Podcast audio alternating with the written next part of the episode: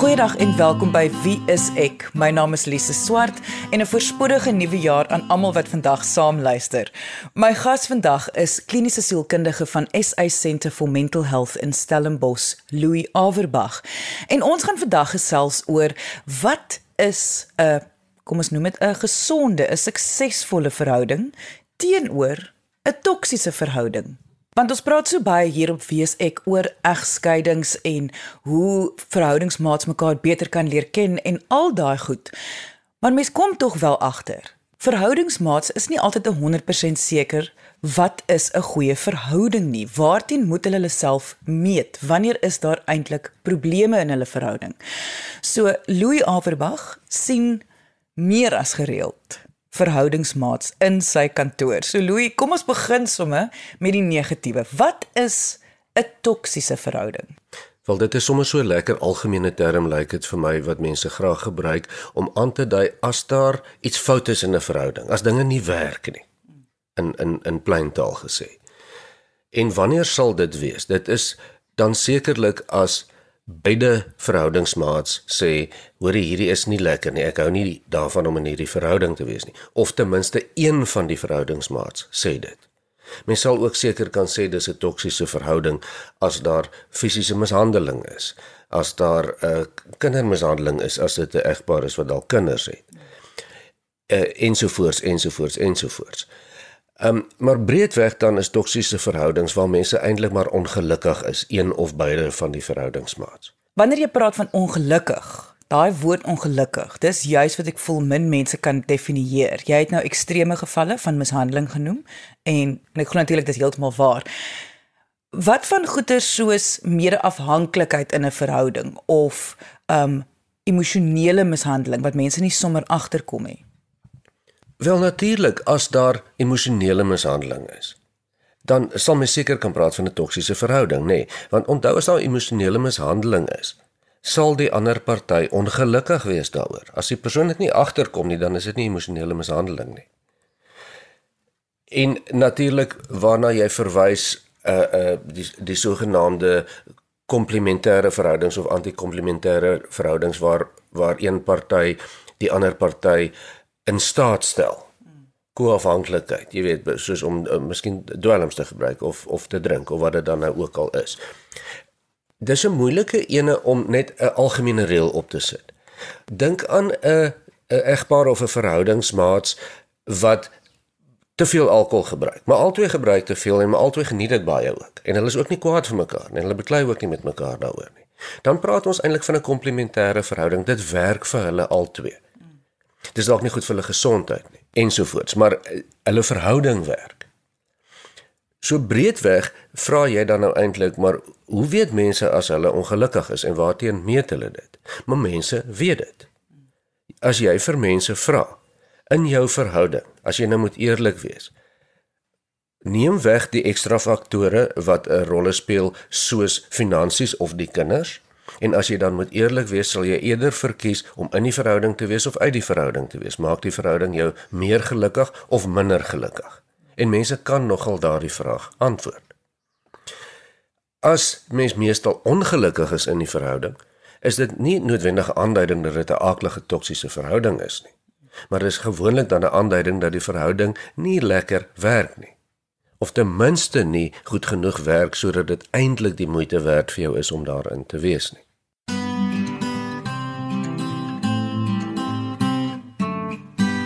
Watter rol speel die individu, die individu se eie geskiedenis en hoe hulle is en wie hulle is wanneer mense besluit of 'n verhouding vir hulle goed is of nie?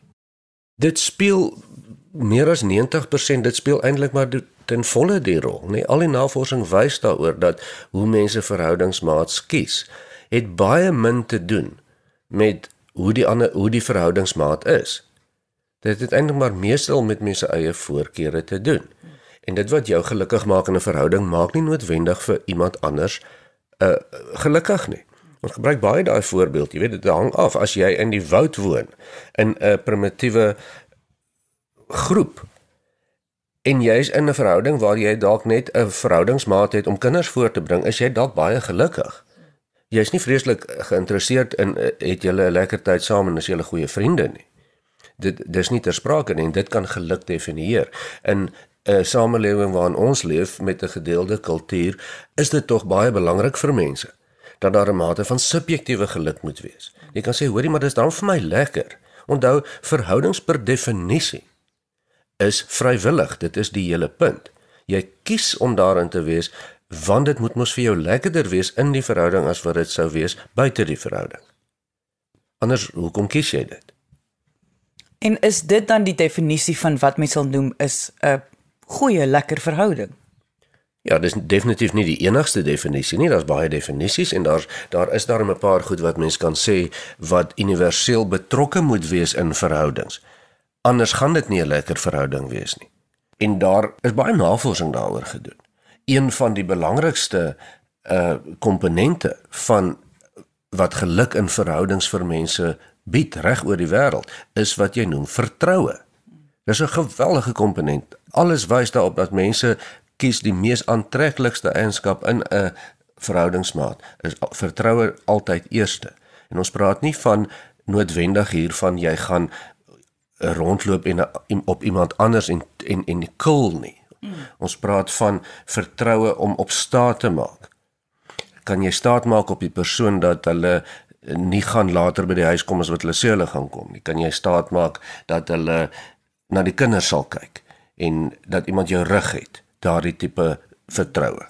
Dis een van die groot komponente wat as dit nie daar is nie, is dit maar selde sodat die verhouding lekker is. Ook waardering kom baie hoog uit in die navorsing in verhoudings.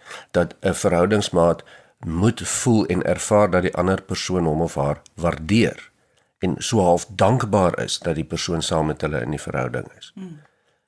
En dan natuurlik die grootte wat mens nie om kan kom nie en wat so klisjé is maar tog so waar is en dit is kommunikasie. En dis gewoonlik maar waar verhoudings staan of val in 'n moderne kultuur waar mense op een vlak gaan dit oor konflikkommunikasie wat baie belangrik is, maar ook kommunikasie oor die algemeen. Dat jy kan dat jy die vraag kan antwoord, verstaan jy jou verhoudingsmaat? en dat jy daarom kan antwoord en sê ja, ek doen. Oor die algemeen verstaan ek my verhoudings, maar ek verstaan wat daar gesê word, ek verstaan wat daar bedoel word en ek verstaan wat daar gedink word. En in hierdie komponente saam gee dan vir jou wat mens noem deernis. En deernis is 'n baie baie belangrike komponent van verhoudings wat as dit afwesig is, is dit regtig nie vir mense lekker daar nie. Deernis beteken dat jy het so warm gevoel teenoor die persoon en jy neem hulle belange in die ag maar maar regtig omdat jy wil. As jy 'n uh, 'n uh, toebroodjie vir jou maak, dan wonder jy is die ander persoon dalk ook honger en, en sal hulle nie ook daarvan hou nie. En en dit min of meer saam gee dan vir mense gewoonlik genoeg in die pot van die verhouding om te sê ek is darm meer gelukkig hier as wat ek minder gelukkig is. Jy luister na Wie is ek op RCG 100 tot 104 FM. As jy dan nou sê dat amper 90% van wie 'n persoon is en hoe 'n persoon is gaan 'n rol speel in die geluk van 'n verhouding. Dan onmiddellik raak so half paniekerig en dan dink jy hier's nou twee mense wat eintlik kom ons gee die woord selfsugtig tussen aanhalingstekens kyk na verhouding. Hoe kan hulle dan saam staan om 'n verhouding te laat werk? Ja, dis 'n baie relevante vraag, want jy praat daarvan dat onthou ons is individue en ons kan nie anders as om ons eie belange te wil dien nie. Jy gaan nie in 'n verhouding in om iemand anders noodwendig gelukkig te maak nie. Eerstens wil jy daarom gelukkig wees, anders gaan jy nie daar wees nie. Dis nie noodwendig selfsugtig nie, maar dit is positiewe intensie, nê. So ons praat dus daarvan dat alles 'n prys het om te betaal. En as mens praat van gelukkige verhoudings versus ongelukkige ervaring van verhoudings, geen verhouding is 100% gelukkig of 100% ongelukkig nie. Dis 'n spel tussen die twee. En waar die individu baie struikel, is dat mens moet besef dat as jy 'n verhouding ingaan, kan jy nie jou eie individualiteit 100% meer behou nie. Dit is 'n methode dit dit kan nie so wees nie. Jy moet 'n stuk van jou identiteit prysgee om 'n gesamentlike identiteit te vorm, die ons identiteit. Daar's mos die ek, daar's die jy en dan is daar die ons. Nou as die ons te klein is, dan werk die verhouding nie. As die ons heeltemal te groot is, word individue gewoonlik ingesluk daarin, nê, en verloor totaal identiteit en word dalk ook meer ongelukkig. Maar die ons moet groot genoeg wees. So jy sê in die verhouding dat hier's 'n stuk wat ek prys gee van my eie identiteit. Dis nie meer ek nie. Ek kan nie net heeltyd net vir myself toebroodjies maak nie. Ek aanvaar daai groter stuk van die ons identiteit. En dit is 'n prys om te betaal. En om daardie ons in stand te hou, is dan nou mos wat almal van praat van verhoudings wat werk kos. Rondom die ons identiteit wat dan moet belangriker wees as die ek of die jy. Anders werk die verhouding regtig nie op die lang termyn nie en ons moet onthou dat verhoudings baie keer nie werk nie. Die statistieke is nie goed op verhoudings nie. En dis een van die groot redes dat die ons inmeng met die ek en die jy of andersom en dat die ons dan nie genoeg werk kry nie, maar die ek en die jy kry baie meer werk. Ons praat vandag oor wat is 'n gesonde, goeie, lekker verhouding teenoor 'n toksiese verhouding. Voor die advertensiebreek het ons baie gefokus op juis wat 'n toksiese verhouding is en ons het begin praat oor die goeie verhouding. Indien jy nou eens ingeskakel het en graag die volledige episode wil luister, kan jy die pot gooi op RSG se webwerf gaan aflaai by rsg.co.za. Louis, jy het voor die advertensiebreek het jy die woorde gebruik dat mens met 'n deel van jou identiteit prys gee in 'n verhouding aan die ons. Met ander woorde daar's 'n ek, daar is 'n jy en dan is daar die ons. En die ons moet nog wel 'n groot deel wees. Nou daai prys gee van 'n mens se identiteit, daar dink ek sit baie mense vas. Want hulle gee baie keer goed prys wat ek dink hulle moenie prys gee nie. Het jy miskien vir ons voorbeelde van wat moet 'n mens prys gee? Ja, mens moet nou ook onthou dat prysgee nie altyd net negatief is nie, nê? Ehm as ons praat van klein dingetjies wat mens prysgee, noodwendig of dit vir jou sleg is of nie. As jy in 'n verhouding is, dan gee jy van jou eie tyd prys. Gee nie noodwendig om daaroor nie, maar jy gee dit tog prys. Maar as dit meer ingewikkeld raak, dan kyk ons na wat mense baie keer prysgee wat hulle nooit moes prysgegee het nie. En daar praat ons van nie onderhandelbare voorwaardes mense gaan baie keer in verhoudings in met die vooropgestelde idee dat ons eintlik dieselfde dink oor goed wat vir my baie belangrik is. Maar dit is baie keer nie so nie. Soos om kinders te hê of geloofsaangeleenthede of enige iets wat vir jou eintlik 'n baie groot nie onderhandelbare voorwaarde is. Hoe gereeld gebeur dit dat mense na 10, 15 jaar se huwelik in die moeilikheid is wat een van die verhoudingsmaats sê maar ek kan net eenvoudig dit nie meer vat nie, jy's nooit by die huis nie. En as jy af is van die werk af, dan speel jy golf. Nou daardie vrou in hierdie voorbeeld wou nooit met 'n man getrou het wat nooit eintlik by die huis was nie. Sy hou van 'n man, dit is wel baie belangrik dat hy saam met haar by die huis moet wees. En hulle moet saam na die kinders wees en hulle moet saam dinge doen. Maar hy was nooit so nie. Sy het hom so getrou. Hy sal nooit so kan wees nie. Sy het dus nie mooi besef dat sy gaan moet prys gee een van haar nie onderhandelbare voorwaardes vir 'n huwelik om in 'n verhouding met hierdie man te wees nie en dit in 10 jaar na die tyd uitgevind. So mens wil amper sê in 'n ideale wêreld moes 'n mens voor die verhouding al jou nie onderhandelbare voorwaardes uitgewerk het, geïdentifiseer het. Jy moes dit toe al geweet het. Ja, natuurlik. Die en teoreties is dit so, dit werk nie altyd so in praktyk nie, maar dit is wat mens tog moet doen. En jy weet, dan kan jy besluit, gee ek dit prys of gee ek dit nie prys nie.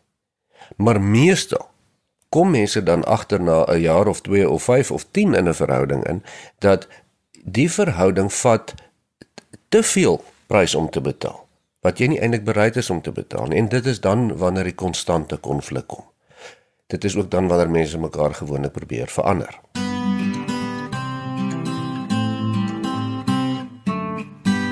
Verander. Dit is 'n belangrike woord want ek dink baie mense wat nou in 'n ongelukkige verhouding is, sou identifiseer met wat jy in die begin verduidelik het van wat is dit kom ons sê toksiese verhouding. En dit gaan oor hierdie verander, maar wat ek baie keer al agtergekom het is dis nie so seer die mense wat moet verander nie wat die een party voel moet verander nie dis die een wat probeer verander die ander een probeer verander wat eintlik ongelukkig is. Ja, die een wat by die ander een dan gaan kla en sê maar jy moet nou meer by die huis wees. Jy moet meer tyd spandeer. Uh, jy moet net insien dat dit die regte manier is om dit te doen. En dit is hoe jy moet wees. En die ander persoon sê maar nee, ek is genoeg by die huis. Ek doen al my pligte. As ek nie bietjie gaan golf speel nie, dan kan ek nie het ek nie genoeg energie om te voorsien nie ensovoorts ensovoorts. Ons almal ken daardie bekende argument. En ehm um, jy weet nou begin ons praat van is die verhouding dis nou iets wat jou meer gelukkig maak of ongelukkig maak op hierdie stadium? Want daar's voordele in en daar's nadele in. Louis, altyd gaan ek vir jou vra. Wanneer mense dan nou op hierdie punt kom, kan hulle hierdie verskille uitsorteer? Gewoonlik ja, maar dit is net as hulle regtig wil. As hulle regtig wil. Wat mens baie keer sien is dat jare se konflik vat alle positiewe gevoel uit 'n verhouding uit. Soveel so dat mense nie regtig meer hou van die ander persoon nie. En jy moet daarom ten minste hou van die persoon. En vir jouself sê as ons ons hierdie konflik kon uitsorteer, sou ek graag nog met die persoon in die verhouding wou wees. Dis nog 'n voorvereiste. En ja, mens kan dit natuurlik doen want gereeld gebeur dit tog dat verhoudingsmaats vasbrand met konflik en dit kan jare aanhou. Maar dit is nie wat hulle regtig wil hê nie. Hulle weet net nie hoe om dit anders te doen nie.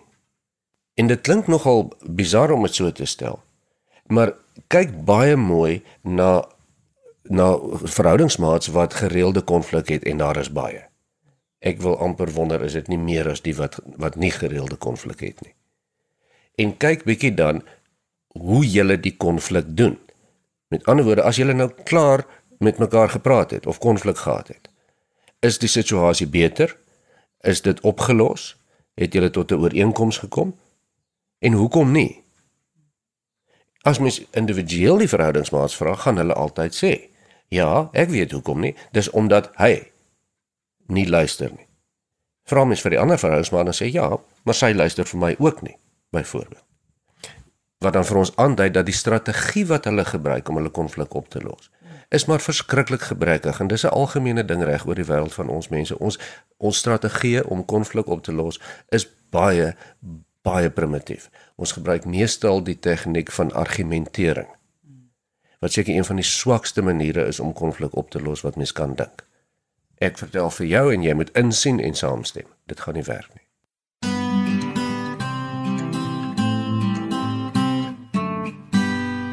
En dit is natuurlik waar soos in die eerste helfte genoem het, waar kommunikasie die belangrike deel is.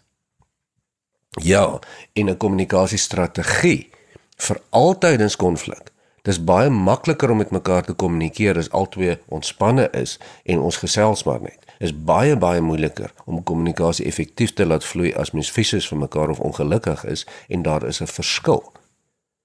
Dit is wanneer kommunikasie op sy uiterste die belangrikste is. En dit is ook wat die navorsing vir ons baie mooi ondersteun. Verhoudings wat oor die algemeen langtermyn gelukkig is, is baie primêr verhoudings waarin kommunikasie tydens konflik baie meer effektief gebruik word as waar dan nie konflik is nie. So wat jy sê is indien iemand hulle self nou bevind in 'n ongelukkige of toksiese verhouding en albei partye voel okay, hulle wil nog graag probeer om hierdie te red, dan staan hulle 'n kans om 'n gelukkige verhouding te hê. Ja, natuurlik, mits albei wil, mits daar nie derde partye is nie, mits uh, albei partye daarom sielkundig redelik stabiel is, nê? Nee? Daar's daar 'n paar voorwaardes, maar die groot ding is hier in in in vir normale gemiddelde mense wat kies om in verhoudings te wees as jy regtig nog daarin wil wees, dan ja, natuurlik kan daar baie baie gedoen word om vir jou verhouding te verbeter en in subjektiewe geluk om te gaan sê, "Hy, maar dit is my lekkerder." En wat is daar veral wat gedoen kan word? Die konflikstrategie. Dit wat jy doen as jy verskil van mekaar. En in daai opsig wil mens amper sê, dis amper beter om niks te doen nie as om dieselfde ou argumentstrategie oor en oor te gebruik wat regtig nooit regtig werk nie. soek jy 'n professionele persoon in jou area, gaan kyk op die WSE kontaklys by www.wsek.co.za. Ek wil net omdat jy sê niks te doen nie, dit klink asof jy nou sê mens moenie gaan vir hulp nie. Ehm um, jy bedoel dit help nie om te argumenteer nie, want dit gaan net geen effek hê nie. Wat my bring by die vraag kan twee mense dit op hulle eie uitsorteer? Want dit voel vir my as mens nou al oor soveel jare of soveel maande in dieselfde patroon vassit, hoe, hoe gaan iemand dit regkry om dit self te kan regkry? Kyk, mens moet kan en daar is mense wat wat dit regkry, maar dis baie baie min. Ehm um, dit kan ek baie eerlik sê dat dit lyk vir my dit is ons aard en dit is ons gebrekkige kommunikasie wat ons het Ons het maar taal en en 'n bietjie nie-verbale kommunikasie maniere. Dis nie baie goed nie. Ons ons is nie baie goed toegerus om konflik suksesvol uit te sorteer nie. Want om dit te kan doen, moet mens presies kan verstaan wat iemand anders bedoel. Dis kern, jy kan nie konflik uitsorteer as jy nie presies verstaan wat iemand anders bedoel nie. En ons kry dit nie self reg nie. Veral nie as mens ongelukkig is en die emosies is gelaai ensovoorts nie. As mens kan Dit is die kern daarvan om te kan verstaan wat iemand anders bedoel. Maar gewoonlik vind ek dat waar verhoudingsmaats in die moeilikheid kom en vasdraai in konflik, vat dit gewoonlik maar 'n derde party om daaruit te fasiliteer.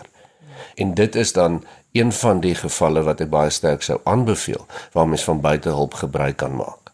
Sielkundiges wat spesialiseer in verhoudingsterapie, dis wat ons baie keer doen om daai proses te fasiliteer om die kommunikasie reguit te trek amper as jy nie daarbey kan uitkom nie 'n vriend van buitekant af of iemand wat jy vertrou om net van buite af te fasiliteer. Maar die kern gaan daaroor dat jy kan nie regtig tot 'n ooreenkoms kom as jy nie presies verstaan wat iemand anders bedoel nie en ek maak die stelling deur te sê dat waar daar konflik is, verstaan mense definitief nie wat mekaar bedoel nie. Jy luister na Wie is ek op RSG 100 tot 104 FM ter opsomming as mens dus praat van die konsep van 'n gesonde verhouding eerder as 'n nare toksiese verhouding waar mens baie ongelukkig is dan sê mens daar moet darm 'n paar goed daar wees vir die meeste mense. En dit is onder andere 'n uh, vertroue vertroue dat jy kan staatmaak op wat iemand anders sê en dink. Dit gaan ook regtig oor waardering.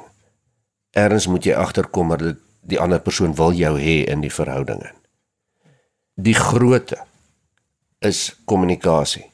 Kommunikasie beteken dan in hierdie geval dat jy verstaan wat die verhoudingsmaat bedoel, sê of dink, soveel as moontlik. Dis eintlik die kern van kommunikasie. En dit is so half die voorvereistes. Verder is daar 'n paar dinge wat ook in plek moet wees. Nie onderhandelbare voorwaardes moet nie oorskry word nie. En natuurlik is daar darm ook ander dinge in die lewe soos uh die feit dat mens net bloot van mekaar kan hou of kan vriende wees ensovoorts ensovoorts ensovoorts. Maar ons sê dus dat alle verhoudings het tog pryse om te betaal. En mens sal 'n 'n meer gesonde verhouding definieer as een waarin 'n persoon sê luister ten spyte van dat ek my eie tyd moet prysgee of of my eie uh, voorkeure moet prys of wat dit ook al is in 'n mate, verkies ek nog steeds om in die verhouding te wees eerder as om buite die verhouding te wees. En dit is omdat daar drie partye in 'n verhouding is, dis die ek, dis die jy en dis die ons. En mens moet van die ek prys gee om die ons identiteit te dien. Dit is ongelukkig so. Waar dit nie gebeur nie, is die verhoudings maar altyd ongelukkig. Dit was kliniese sielkundige van SA Centre for Mental Health in Stellenbosch, Louis Averbag. Indien jy enige vrae het oor vandag se onderwerp, kan jy ons kontak deur die webwerf by www.wieisek.co.za of kom gesels saam op ons Facebookblad onder wieiseksa. Ons het ook weekdae 9uur live gesprekke met medies professionele mense op hierdie einste Facebookblad. So kom deel jou opinie en gesels saam. Dankie dat jy vandag ingeskakel het. Ons maak weer so volgende Vrydag 12:30 net hier op RSG. Jy moet 'n heerlike naweek hê en onthou, kyk mooi na jouself.